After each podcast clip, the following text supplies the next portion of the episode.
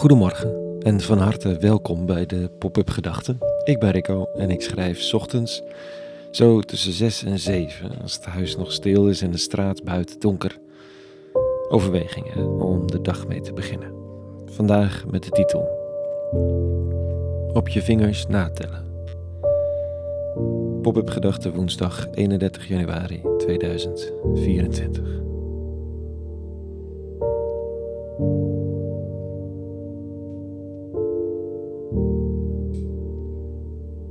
Soms wil je weten wat je waard bent.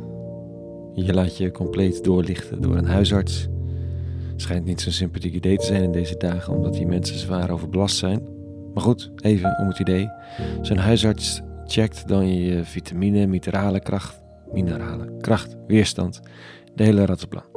Dan weet je even waar je aan toe bent. Of je checkt op Funda de waarde van je huis. Je loopt je bankrekeningen en verzekeringspolissen bij langs en telt even de verschillende rekeningen die je erop nahoudt bij elkaar op.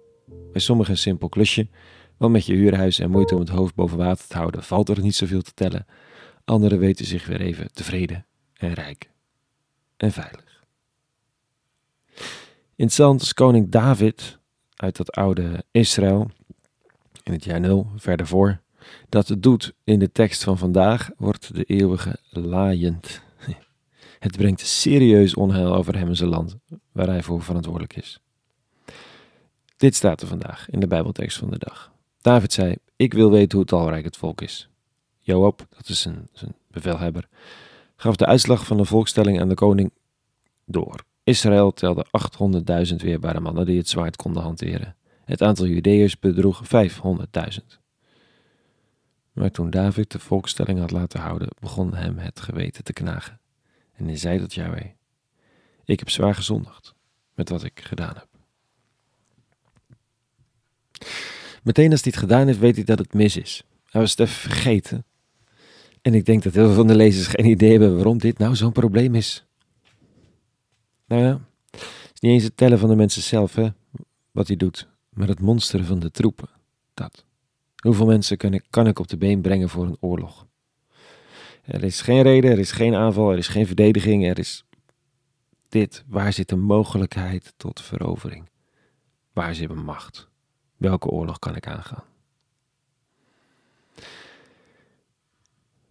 Er zijn velen die vinden dat we in deze tijd meer van de staat Israël vragen dan van een ander volk. Of meer kritiek op Israël hebben dan op Hamas. Nou, als ze een beetje in lijn staan met David, dan is dat ergens terecht. Als je bijna een genocide begaat, als je een staat bent met pretenties en geen terroristische groepering, dan heb je een taak. En David als koning had dit blijkbaar moeten weten. Er wordt niet geteld, David, niet op je vingers, niet door je bevelhebber en zeker niet om te weten hoeveel geweld je kunt loslaten op een ander volk. De koning van Israël of de leiderschapspositie, waar dan ook, heeft zich te beseffen dat het een zorgtaak heeft. Voor David, voor het volk. Als de herdersjongen die David was. Met de veldheer die zijn leger monstert om dan als een riskspeler om zich heen te kijken wat hij kan veroveren, kan gemist worden als kiespijn. Wie zijn hamer kwijt was of een bijl en opeens in een hoekje van de schuur het ding terugvindt, weegt even weer hoe het in zijn hand ligt en gaat vervolgens op zoek naar een spijker, een balk, een stuk hout of een boompje dat misschien toch omgehakt moest worden. Want je hebt dat ding in je hand. Checken wat ik heb om te zien waar mijn mogelijkheden, mijn macht en mijn zekerheid ligt, is niet de weg van de eeuwige. Misschien wel omdat getallen en macht in de christelijke spiritualiteit niet zoveel waard zijn.